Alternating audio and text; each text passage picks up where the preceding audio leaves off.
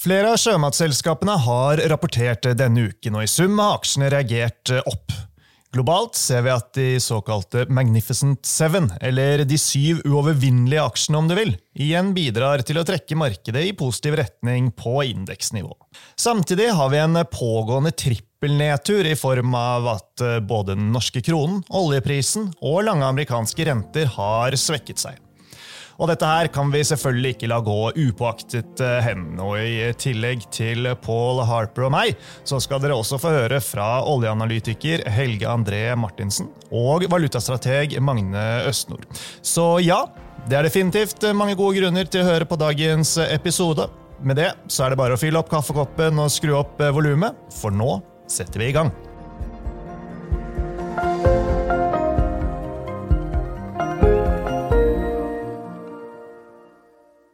Velkommen til eh, Utbytte, DNB-podkasten der vi forklarer hva som skjer i den globale økonomien og finansmarkedene.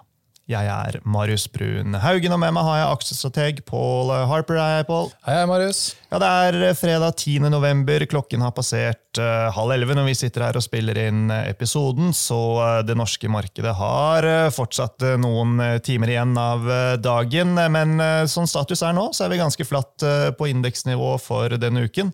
Både for norske og for globale aksjer. Men som alltid så er det mange ting som rører seg under panseret. Og vi må jo også nevne Pål, at vi har fått et nytt selskap på hovedlisten på Oslo Børs denne uken, nemlig Norconsult. Aksjen den handles under tikkeren Norco. Og eh, vi i DNB har bistått selskapet med børsnoteringen. så vi må vente litt med å kommentere selve aksjen og triggere. Det får vi komme tilbake til ved en senere anledning. Men det er jo veldig gøy da, at det kommer nye selskap på børspål. Det har vi ikke vært eh, så bortskjemte med i år. Nei, Det har jo vært relativt lite på akkurat den fronten, så det er hyggelig at vi klarer å få til eh, noe før slutten av året. Hvis vi ser til eh, USA, så er det The Magnificent eh, Seven, eller De syv uovervinnelige, som jeg har valgt å kalle de på norsk, som igjen bidrar til å trekke markedet opp eh, Pål, eller i hvert fall i, i, positiv retning. Er det noe å lese ut av dette her? At disse syv største selskapene målt i markedsverdi, er det som trekker markedet opp hele tiden? Ja, så De har jo vært uh, veldig viktig for uh, oppgangen i år. De, uh, den Bloomberg-indeksen av disse syv aksjene er opp 90 year to date, og de veier 30% av SMP 500-indeksen. Så det er klart at dette slår voldsomt mye når du ser på indeksnivå. Så year to date så er SMP-indeksen opp 13 men sammenligner vi det med equal weight SMP, hvor alle 500 aksjer har samme vekt, som andre ord så har de eh, syv aksjene en vekt på 1,4% istedenfor nesten 30 Da er eh, indeksen faktisk litt ned hittil i år. Så du kan si at eh, ja, det, er positivt at de fortsatt bidrar her, for det er ikke så lett å se hva som skal overta istedenfor gitt at det er så store i eh, indeksen. Men eh, en annen måte å tolke dette på, og det kan jo leses på forskjellige måter her, men at dette er typisk sånn relativt defensive selskaper. Og med det så mener jeg selskap med sterk balanse, de har prisingsmakt, sterk lønnsomhet osv. Så, videre. så det er nettopp denne typen aksjer som du vil gjemme deg i hvis du er redd for at det skal bli resesjon. Så det kan tolkes egentlig både positivt og negativt at det er disse aksjene som egentlig gjør det best. Det er ikke nødvendigvis at når de gjør det bra, at det nødvendigvis er positivt for resten av indeksen. Nei, og det at uh, markedsoppgangen er så konsentrert, det gjør det jo også ekstra vanskelig for forvalter av aktive fond å, slå markedet. Ja, det er jo nettopp eh, det at Typisk så er forvaltere gjerne litt undervektet de største aksjene og eh, litt overvektet da eh, en del av de, de, mindre selskapene. Når det er de største som egentlig drar lasset, så, så, er det da veldig vanskelig for de å egentlig klare å være overvektet i de selskapene. Så ja, det er typisk når det er de største som leder, så blir det gjerne et flertall av de aktive forvaltere som ligger bak indeks. Mm. Men uansett, da, for ta med mange som vet dette her, men uh, Magnificent eh, Seven er altså uh, Alphabet, Apple, Amazon, Meta, Microsoft, Nvidia og Tesla.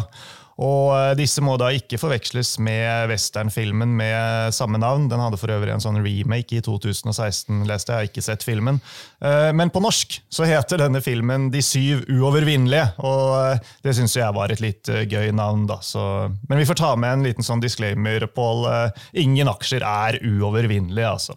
Men det kan jo virke litt sånn, da, basert på kursutviklingen som vi har sett så langt i år. Ja, De har jo blitt voldsomt dominerende, så jeg kan si kanskje den største trusselen for en del av disse selskapene er eh, regulering. At eh, på et eller annet tidspunkt så blir de så store at myndighetene begynner å tvinge de til å deles opp. Så, sånn sett så ja, det er uovervinnelig akkurat nå, men vet jo aldri hva staten har rundt hjørnet med ideer rundt akkurat sånne type ting. Neida. Jeg så for øvrig at eh, Microsoft eh, hvis jeg så riktig, ny toppnotering eh, denne uken. Apple er fortsatt det mest verdifulle selskapet i verden, men det er ikke så langt igjen før Microsoft overtar tronen, hvis de fortsetter å utvikle seg sterkere enn Apple. Nei, Det blir spennende å se hvordan det går med Apple. for det er kanskje et element av at de er noe mer utsatt eh, for eh, konsumentene her. Med at uh, hvor ofte du oppgraderer telefonen eller kjøper en ny iPad osv. Det er jo en sånn typisk ting som er lett å utsette hvis du har litt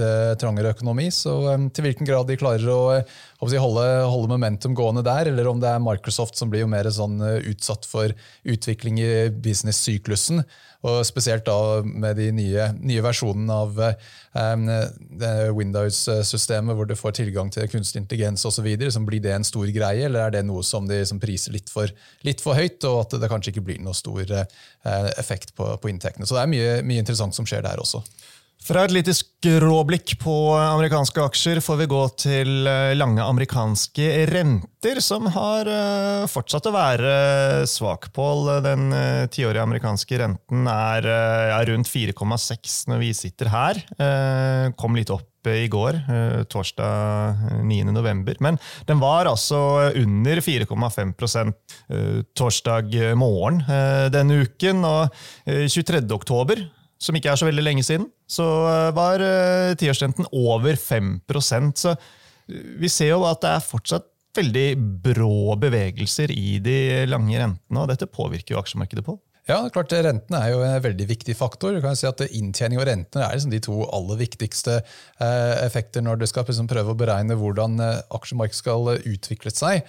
Men når vi tenker på liksom nivået på, på, rentene her, så eh, er det så viktig å, å huske at uh, i hvert fall eh, for si, mannen i gata her, så, så, er det ikke sentralbankrenten som er det de betaler. Det er jo hva, hvordan sentralbankrenten påvirker markedsrentene, og hvordan det slår ut i si, bankrenter og kredittmarkedet og sånne, sånne, type ting. Så, så det har en, en, utfordring her, kan du si, at når markedsrentene stiger, så gjør det at eh, Fed har mindre behov for å sette renten eller referanserenten opp, for da er det egentlig markedet som gjør jobben for dem. Men så kan det fort bli litt sånn sirkulær logikk her, at hvis markedet da priser rentene lavere fordi at de tror Fed ikke må sette renten opp, så øker det risikoen for at Fed nettopp må sette renten opp. og Det er jo litt, litt der vi går. at det fort liksom, jo, jo, mer renten faller, jo større behov er det for å sette renten opp, og da kommer renten opp istedenfor. Ja, så i lys av eh, det fallet vi har sett i de lange rentene, hva nå eh, i forhold til Fed og, og styringsrenten? Ja, så Vi fikk jo litt eh, hint fra Jerome Powell i går i en tale han kom med der, at der Tidligere, når de hadde forrige Fed-møte, så var vel indikasjonen kanskje at eh, nei, de trenger ikke å sette renten opp en gang til. Men nå påpeker han at uh, dette er noe som fortsatt er et åpent spørsmål. og Spesielt som du sier, når renten har falt et halvt prosentpoeng i løpet av forholdsvis kort tid, så er kanskje risikoen for en ekstra renteøkning nå litt større enn det det var for en uke, to, uke siden. Ja, Powell i denne talen du henviser til, var vel ganske balansert, så vidt jeg uh, skjønte. Men, men uansett, altså dette fallet i uh, lange renter, uh, som kommer etter at de har steget veldig kraftig, da, vi får ta med det, da. er det bare et blaff? Ja, det er jo vanskelig å si akkurat på, på kort sikt, men jeg, jeg syns at liksom fair value for tiårsrenten skal være et eller annet sted mellom sånn 4,5 og 5,5 Det er sånn rundt 4,6 akkurat nå. Det er nok kanskje en del som tenker at det virker litt uh, høyt, men over tid så skal renten gjenspeile veksten i økonomien. Så Hvis man tenker trendvekst i økonomien, altså det er 2, 2 cirka, og inflasjon på 2,5% da er du liksom opp i, opp i 4,5 Um, og det er jo omtrent på nivået det har vært uh, historisk også, når du ser uh, over en sånn type hundreårsperspektiv. Men så er det også noen faktorer som trekker i retning av kanskje det burde være litt høyere enn en normalt.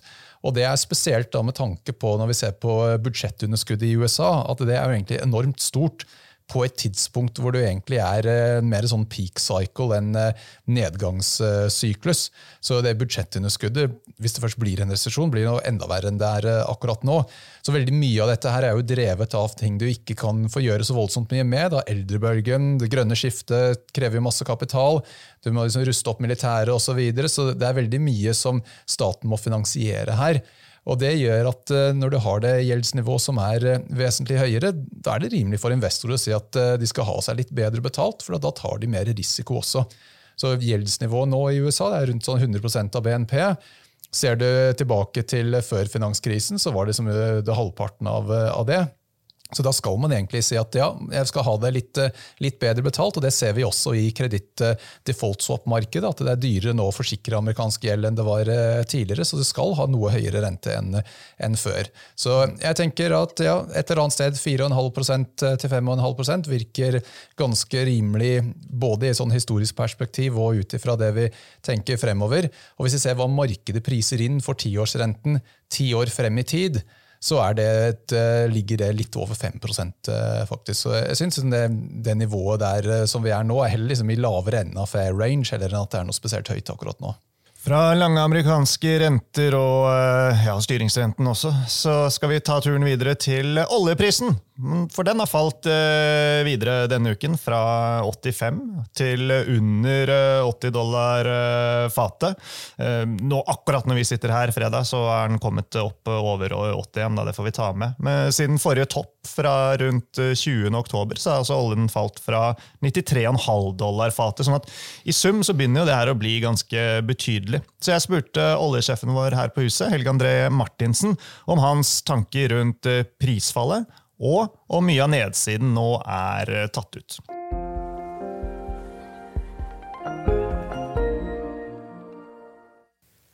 Ja, Prisfallet har vært eh, betydelig, og spørsmålet er selvfølgelig er det mye videre nedsiderisiko igjen i oljeprisen. og I utgangspunktet så tror vi at vi har begynt å se konturene av bunnen på oljeprisen.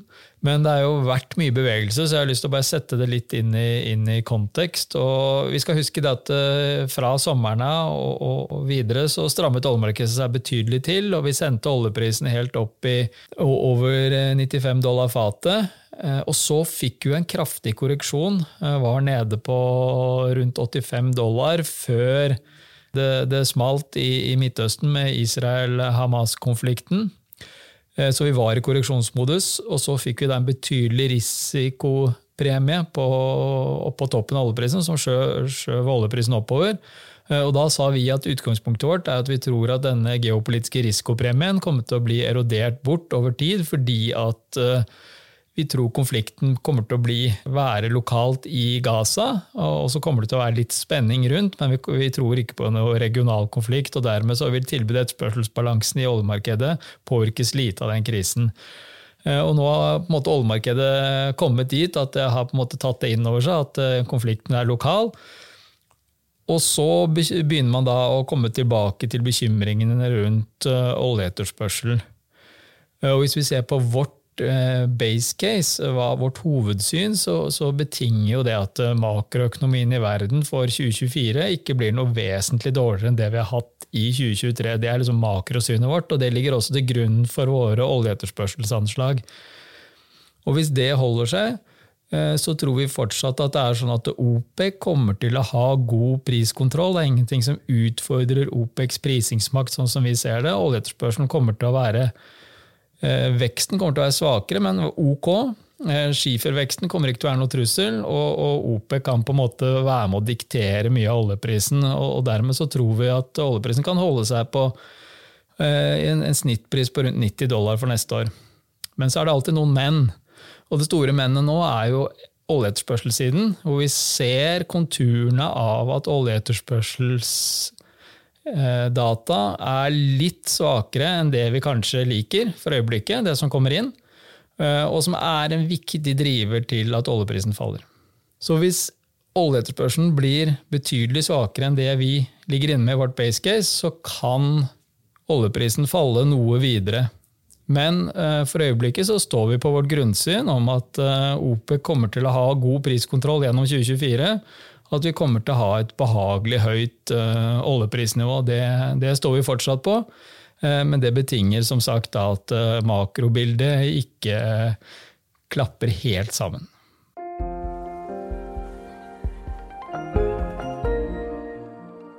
Ja, Pål. Eh, alltid interessant å høre på eh, Helge André. Ser vi til eh, oljeaksjene, så er de litt forsiktig ned denne uken. Sånn 1-3% avhengig av om du ser på Equinor eller Vår Energi, som vel er den som har falt mest denne uken. Det sagt så synes jeg at det er vanskelig å bli veldig bekymret. da. Særlig hvis man er i den campen som ikke tror at det blir en brutal nedtur for eh, økonomien med det første, noe som jo Helge stresset i forhold til eh, oljeetterspørselen.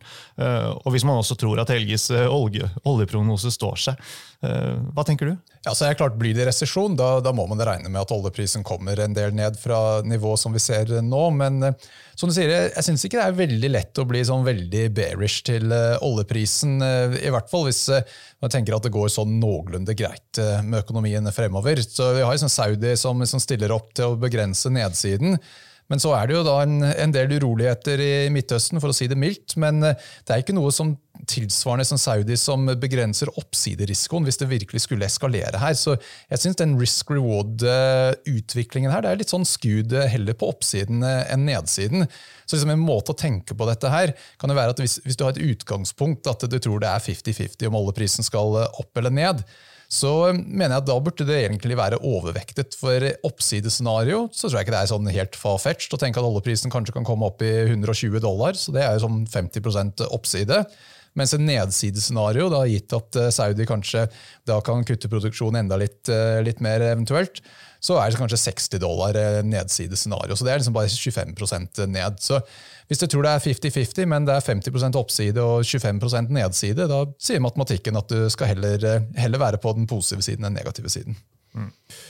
Ok. Eh, når det gjelder oljeaksjene, altså jeg får bare gjenta, vi har jo kjøpt på mer eller mindre alt av de aksjene vi har eh, dekning på. Både de store oljeselskapene og de eh, mindre, inkludert DNO, som rapporterte denne uken. Analytikeren vår skrev en oppdatering som sendte ut i går at på dagens kurs så handler aksjen med en 50% rabatt i verdijustert egenkapital. Og det mener analytikeren vår er altfor mye. Til tross for alle disse problemene med oljeeksporten fra Kurdistan?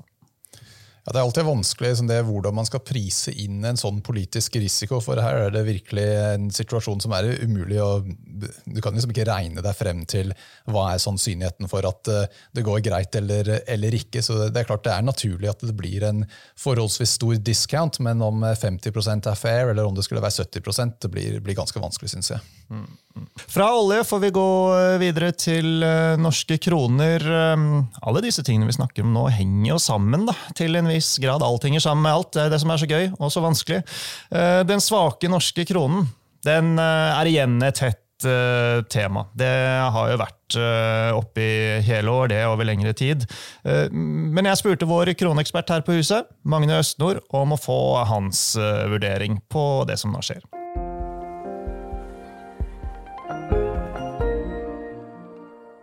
Ja, kronesvekkelsen har uh, definitivt fått litt uh, oppmerksomhet den siste tiden. Men jeg vil vel egentlig si at det viktigste her er jo kronesvekkelsen vi har sett gjennom oktober. Og som det jo har for vane å være, så er det jo når flere faktorer snur i retning en svakere krone, at, samtidig at vi får får eh, brukbare bevegelser i, i, kronekursen. Og det er klart vi, vi så jo lange renter stige veldig mye. Vi så risikosentimentet bli svakere, vi så aksjemarkedene falle. Og etter hvert også så har jo også oljeprisen eh, falt eh, en del og kommet under 80 dollar fatet. Så jeg er ikke så overrasket over å se at disse mer sykliske driverne når de går i den retningen, at vi ser en, eh, en eh, svakere krone.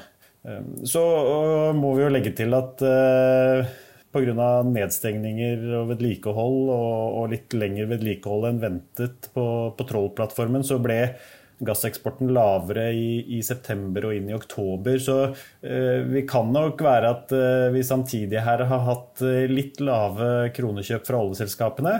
Som eh, på en måte har gjort at disse andre faktorene har fått, eh, har fått større gjennomslag i, i prisbildet. Eh, men det er jo en faktor vi venter vil snu fremover. Oljeselskapene må betale sine skatter i desember.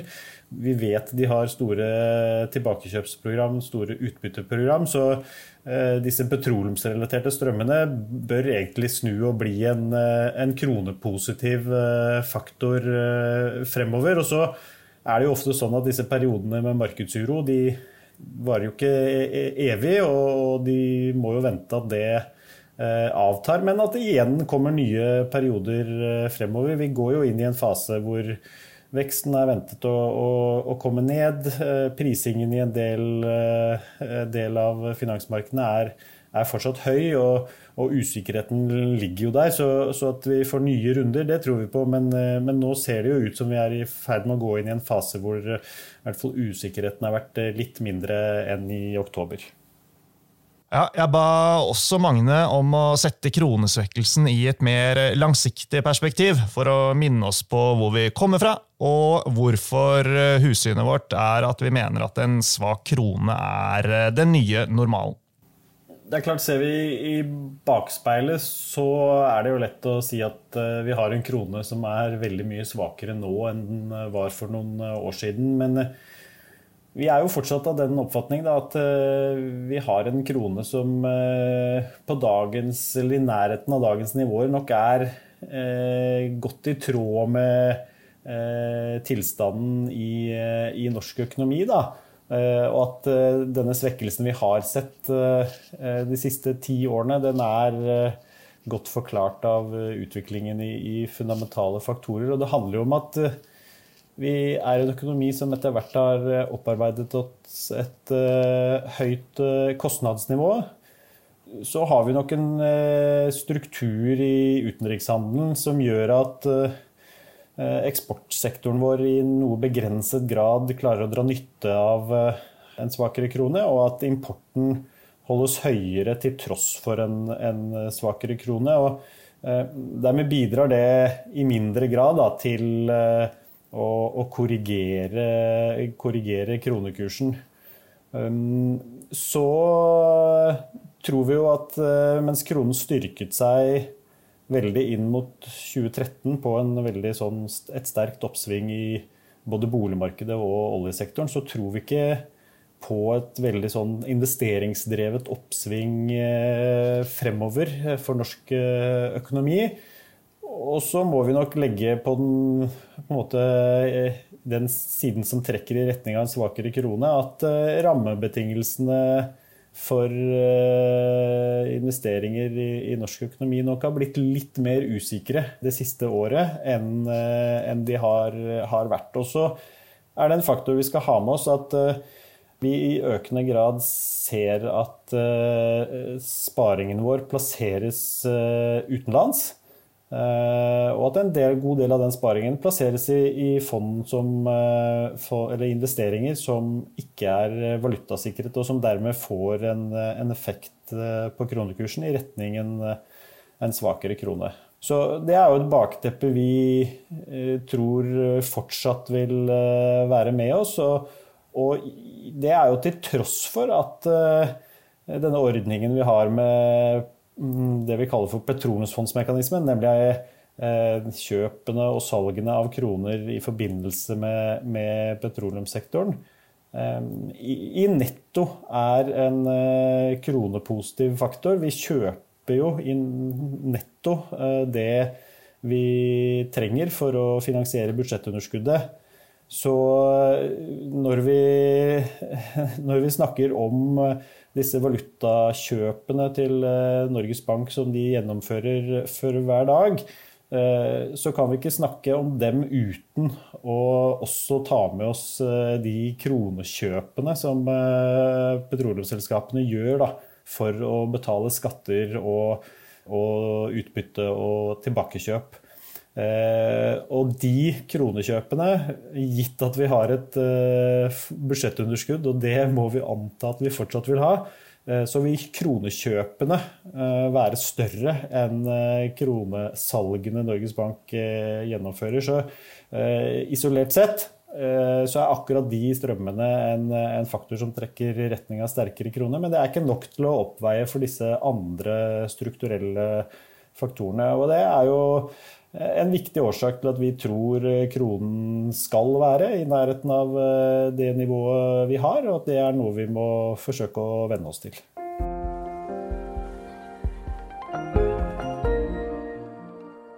Ja, Pål. Eh, dette opptaket med Magne det gjorde jeg i går, altså torsdag. I dag eh, morges, fredag, så har det kommet tall for eh, prisveksten her hjemme som overrasket på oppsiden. Eh, kjerneinflasjon på 6 eh, var det ikke det? Så nå lukter det vel definitivt eh, renteheving fra Norges Bank også på desembermøtet. Jeg kan eh, i hvert fall ikke skjønne noe annet. Men hva vet vel jeg? Uansett, denne kronesvekkelsen, er det godt nytt eller eh, dårlig nytt for norske aksjer, eller eh, er det egentlig ikke så viktig? Ja, det, er klart, det slår jo positivt eh, for Oslo Børs, for såpass mye av inntjeningen er i dollar. Så du kan tenke Alt av energi rapporterer i dollar, alt av shipping rapporterer i, i dollar. Og så har du en del råvare. Yara rapporterer i dollar, Hydro rapporterer i kroner, men de selger aluminium i, i, dollar. Så det er egentlig veldig stor andel av inntjeningen er enten rapportert i dollar, eller så er det dollarrelatert. Så Hvis vi bare ser på hvor mye er kroner av inntjening på Oslo Børs, så kommer det frem til et tall som er rundt 25 eh, eller noe tilsvarende. Så De siste to årene Oslo Børs opp 4 eh, sånn eh, cirka. Ikke noe fest, men ikke noe krise heller. Men ser du på avkastning i dollar, så det avkastningen en utlending eventuelt eh, har notert seg eh, i Norge, så sitter du på et tap på 20% de siste to årene. Så Satt litt på spissen så kan du si at kronesvekkelsen er det som har reddet Oslo Børs fra negativ avkastning de siste to årene. Og Det slår jo også da positivt ikke bare på en inntjening når det regner over til, eh, fra dollar til kroner, men som regel så slår det også litt positivt på marginen. fordi at Selskapene har gjerne en del kostnader i kroner selv om mesteparten av inntektene er i, i, dollar. Så da får du med svakere krone da får du også en positiv margineffekt eh, av dette. her. Så det har også liksom støttet opp eh, inntjening utover bare den vekslingseffekten. Du har egentlig kanskje vært nesten litt mer opptatt av eh, dollarsvekkelsen den siste tiden, eller hva? Ja, Det har jo vært et eh, tema hvis eh, Fed plutselig skulle bli mye mer duete enn eh, tidligere. så gjenstår det å se om det viser seg å være, være tilfellet.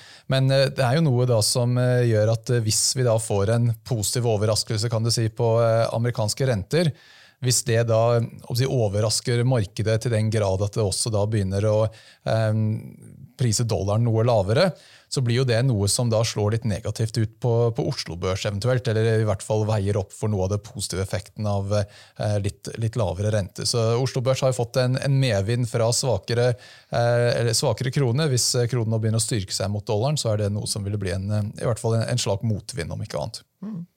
Svak uh, norsk krone påvirker så mye rart, det. Uh, F.eks. For uh, forventningene til laksepriser frem i tid. Og laks det skal vi snakke om nå, Pål. Uh, både Bakkafrost, Movi og SalMar har vært i ilden og rapportert denne uken. Analysteamet er også ute med en sektoroppdatering korte oppsummeringen er vel at uh, Bakkafrost skuffet litt. Uh, Movi uh, leverte som ventet, og SalMar var en positiv? Ja, det tror jeg er en sånn ganske grei oppsummering. Kan jeg kanskje si Når det gjelder Movi, da, så hadde de kommet med en trading update i forkant. Um, så, så, det var på linje med den trading-updaten. Selve trading-updaten i utgangspunktet var litt dårligere enn en konsensus, men uh, Movi fikk en positiv reaksjon, uh, i hvert fall delvis uh, pga. at det, det virker som uh, kanskje den effekten av grunnrenteskatt blir litt mindre enn analytikerne hadde antatt. Så, så, sånn sett så veier det positivt for bunnlinjen. Mm. Movi utbytte 1 krone og 50 øre. Når det gjelder SalMar, så var det jo sterke tall. Slo forventningene kraftig, både pga. lavere kostnader, men også høyere realiserte priser i eh, Norge. Eh, og det ble jo også tatt veldig godt imot da, på børsen. Ja, så SalMar fikk en ganske solid kursreaksjon. Det var vel opp rundt en 7% eh, sånn cirka. og Det kom vi da etter en forholdsvis god dag dagen før på um, Movi-tallene, mens Bakkafrost uh, falt jo en del når, når, de rapporterte. Så det har vært litt, litt variasjoner gjennom uken helt hvordan det ble tatt imot. Ja da, og Vi får ikke gått innom alle detaljene på alle rapportene. Det går an å gå inn og lese på analysesidene, men eh, vi gjentar hold på Bakkafrost. Har kuttet eh, kursmålet til 500. Eh, når det gjelder Movi, så gjentar vi kjøpsanbefalingen. Har økt kursmålet til 210 kroner fra 200. Og SalMar så gjentar vi holdanbefalingen. Kursmålet er 630 kroner. Og som jeg sa, så er eh, analytikeren eh, vår Alexander eh, Aukner ute med en oppdatering på hele sektoren. Og selv om jeg fortsatt er positiv, så er vel, tegner han et litt mer balansert bilde, Pål. Er det en måte å si det på? Ja, jeg er ikke like entusiastisk som eh, tidligere, kanskje. Jeg tar kostnadene litt opp, så 1-2 eh, kroner per kilo. Ja, særlig fòrkostnadene. Ja, så det, det, blir litt kanskje marginskvis uh, her. Men uh, som vi var nettopp uh, inne på, kronekursen her hjelper jo litt da med at fisk blir stort sett solgt i euro heller enn norske kroner. Så justert opp prisen da, til 88 kroner per kilo fra 86. Um, så, så, Sånn sett så veier det sånn omtrent opp uh, til en viss grad. Men vi er litt under konsensus når du ser på estimatene for uh, neste år. Rundt 9% i snitt under for uh, 2024. Så klart hvis estimatene blant eh, andre analytikerne må justeres noe ned, så, så, blir jo da også prising kanskje litt mindre attraktiv enn det, det fremstår eh, når du ser på eh, konsensusestimatene. Så ja, det er ikke like lett. Og så sier vel det nå at ja, vi tror ikke det er urimelig at vi vil komme til å se kanskje litt svakere etterspørsel i 2024 pga. den dyrtiden som vi, vi er inne i. Men samtidig så er jo situasjonen fortsatt sånn at tilbudsveksten, altså tilbudssiden, det er, det er begrenset uh, hvor mye vekst det kommer der. Så det gjør jo at det fundamentale Jeg liker ikke helt det ordet, men, men at liksom det bildet det holder seg. Ja, jeg tror det. Og det, det er sånn at uh, Når du ser på prising av, av, selskapene, så er det ikke noe, noe dyre, syns jeg, uh, da med mulig unntak av SalMar og Bakkafrost, som uh, vi har holdanbefaling. De priser til rundt sånn 15-16 ganger PS, som jeg vil si er kanskje sånn ganske fair. Mens ser du på uh, Movi, Grieg, uh, Lerøy, så er det sånn p-multippel uh, mellom sånn type 9 og 12, sånn cirka. Og uh, den vi liker aller best, er vel Austevoll, hvor p-multippelen er mer sånn 7-8-nivå. Så vi syns prisingen der er attraktiv nok til at selv om kanskje estimatene skal bytte litt ned herfra, så, så, er det egentlig noenlunde tatt høyde for i det markedet priset disse selskapene. Mm. Og summa summarum da, så uh, blir det en litt mer sånn selektiv uh, aksjetilnærming. Og nå er uh, Austevoll den topp anbefalte aksjen til Sjømatteamet. Ja, så er det den som handler på lavest multipler av, av, de større selskapene. Den er jo alltid prist med litt rabatt på. Ja, det er, jo, det er jo nettopp det. og det blir det at Hoveddelen av Austevoll er jo egentlig Lerøy. Og så har de i tillegg da litt pelagisk eh, fisk og, og, litt annet eh, som også kommer inn i, i totalen. Men eh, når du som justerer bort eh, verdien av Lerøy, så er liksom den implisitt prising av resten veldig lav. Så vi, vi syns at eh, Austevoll er absolutt enkel å, å, regne hjem sånn i, i, forhold til kursen der. Ja. Hvis vi skal eh, reklamere litt for et par eh, oppdateringer som eh, jeg vil anbefale dere lyttere å få med dere, så får det bl.a. være for sjømat. For der har analytikerne våre spilt inn en videooppdatering som er tilgjengelig inne i aksjehandelsløsningen i nettbanken til DNB. Den vil dere finne der. Eh, der vil dere også eh, finne en oppdatering på shippingsektoren. Eh, vi skal ha et direktesendt webinar i dag, fredag med over 1500 påmeldte kunder, så det er stor trøkk, stor interesse. Og når dere lyttere hører dette, så er det jo lørdag, og da vil dere kunne gå inn og finne opptaket av denne seansen, også inne i aksjehandelsløsningen. Ellers, Pål, så er vi tilbake vi på mandag som vanlig med oppdatering av porteføljen med anbefalte aksjer. Også det skjer inne i aksjehandelsløsningen, så har vi fått flagget det. Og med det så tror jeg vi sier takk for i dag. Tusen takk, Pål, for at du var med, og sist, men ikke minst, tusen takk, folkens, til alle dere som hørte på.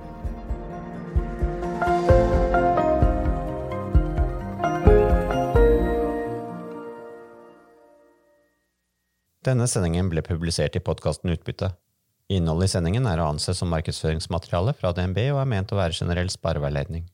Sendingen skal ikke oppfattes som et tilbud om å kjøpe eller selge finansielle instrumenter, eller som investeringsrådgivning tilpasset den enkelte investors situasjon. En investor som har behov for råd eller har spørsmål om informasjon som gis, bør kontakte en finansrådgiver.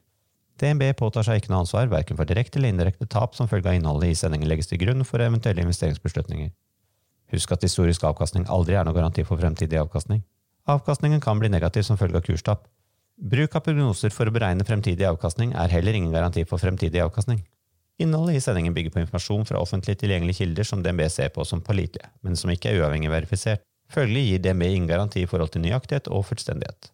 Alle uttalelser her reflekterer DNBs, den enkelte ansatte, eller andre tredjeparts vurderinger på tidspunktet for den aktuelle sendingen, og kan i ettertid endres uten nærmere beskjed. Ytterligere informasjon om bl.a. kildebruk og interessekonflikter er tilgjengelig på dnb.no skråstrek invest disclaimer.